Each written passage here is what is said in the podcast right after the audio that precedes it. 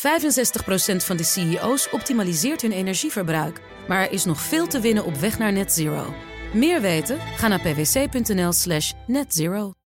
En daarvoor is aangeschoven onze wetenschapsdirecteur Carlijn Meinders. Want de enorme uitbarsting van de vulkaan bij Tonga, daar kan niemand ontgaan zijn, daar gaan we het over hebben.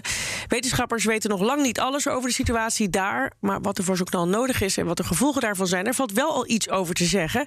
Carlijn, dit heeft iedereen, ook wetenschappers, verrast, toch? Ja, dit uh, is enorm groot natuurlijk geweest. De uitbarsting vond plaats bij de Tonga-eilanden, een eilandengroep die 800 kilometer ten oosten van Fiji ligt en meer dan 2300 kilometer van Nieuw-Zeeland. Het gaat om een onderwatervulkaan, eentje die al een paar weken aan het uitbarsten was op een ongevaarlijke manier. Dat leek allemaal nog heel onschuldig, tot er dus ineens die enorme knal was, waarvan de wolk te zien was vanuit de ruimte. Alsof hij een beetje zijn keel aan het schrapen was tot deze grote uitbarsting. Grappig dat een vulkaan ook op een ongevaarlijke manier kan uitbarsten. Ja, uh, dat, dat kan nog steeds vervelend voor de omgeving zijn, maar niet voor de mensen die er wonen uh, gevaarlijk. Dat werd het nu wel. We weten ook nog helemaal niet zo goed hoe het gaat met die mensen natuurlijk. Er kunnen niet zomaar uh, mensen heen om te gaan kijken. De wolk erboven heeft het zicht geblokkeerd heel lang. Dus ja, daar is en, en nog telefoonverbindingen liggen eruit, Klopt. internet. Ja, dus we kunnen ook niet even controleren hoe het met ze gaat. Ze weten gewoon nog heel erg weinig over de omstandigheden daar, ook wat er nog over is onder de grond. Hè. Kan het nog een keer gebeuren? Dat weten we ook nog niet. Maar ik ga even een zijweggetje in. Want ik was eigenlijk bezig met een ander verhaal toen dit gebeurde. En de kop daarvan op de Science site was waarom 536 the worst year to be alive was. Nou, wij vinden dit al best wel een moeilijk jaar, maar er zijn dus blijkbaar veel ergere jaren te noemen. Dat is ook niet echt in mijn uh, periferie liggen, moet ik eerlijk zeggen, hoor, Nee, 536. nou, het wordt allemaal heel logisch straks. uh, want waarom was dit jaar nou precies uh, zo'n slecht jaar? Nou, Allereerst waren Europa, het Midden-Oosten en Azië gehuld in een dikke, donkere, mysterieuze mist, waardoor het dag en nacht donker was. Ach. 18 maanden lang. In de zomer was het gemiddeld 2 graden oh. op dat moment. Gewassen vergingen daar natuurlijk door. Mensen verhongerden zelfs. Niet langer na, in het jaar 541, kwam er ook nog even de builenpest achteraan voor een deel van de wereld. Maar hoe kon die mysterieuze mist nou zijn ontstaan? Daar ging dat artikel over. Daar hebben onderzoekers naar gekeken. Lange tijd wist niemand het.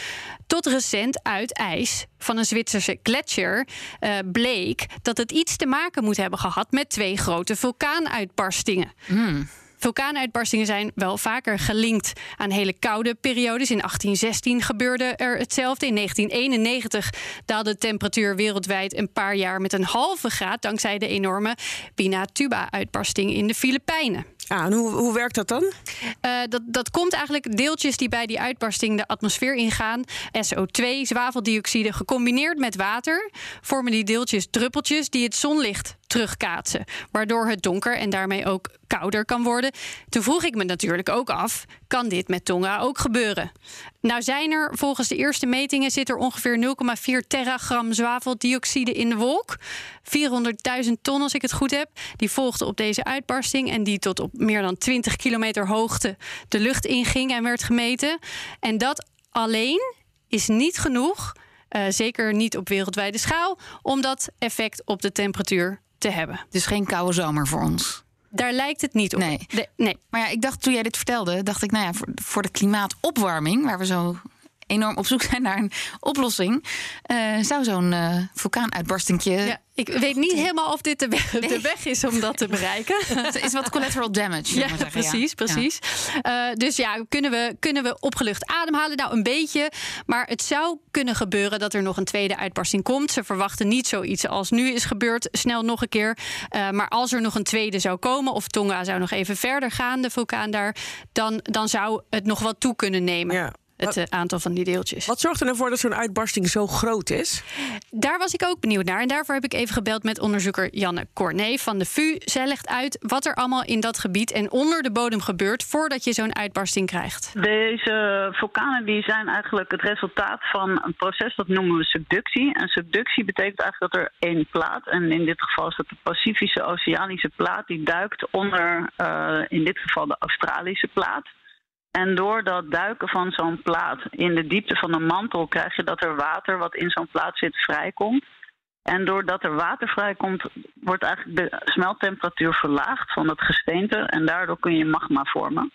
En het magma wat daarbij ontstaat, heeft een samenstelling die wat taaier is dan een normale magma. Bijvoorbeeld op Hawaii of IJsland. Dat zijn dan vulkanen waar basaltisch magma ontstaat, wat lekker vloeit. Daar kan je mooie fonteinen mee maken. Dat hebben we natuurlijk op La Palma ook gezien recentelijk. Maar die subductievulkanen die maken een magma wat veel taaier is. En uh, dat heeft meer silica bijvoorbeeld. En dat zorgt ervoor dat het niet lekker kan vloeien en eigenlijk een prop vormt. En die prop die zorgt ervoor dat het niet naar buiten kan, die magma. En dat de toevoer van magma naar het oppervlak eigenlijk ja, geblokkeerd wordt. En daardoor krijg je dat je heel erg grote drukopbouw krijgt. Dus het gas uit die magma die wil ontsnappen, maar die kan niet ontsnappen. En um, ja, op een gegeven moment moet het echt eruit en dan ontploft zo'n vulkaan. Dus dat is eigenlijk heel explosief vulkanisme. Ja, dat is, uh, dat is dus wat we hier ook hebben gezien. Uh, bestudeert zelf uh, ook een subductiezone, maar dan eentje in Italië.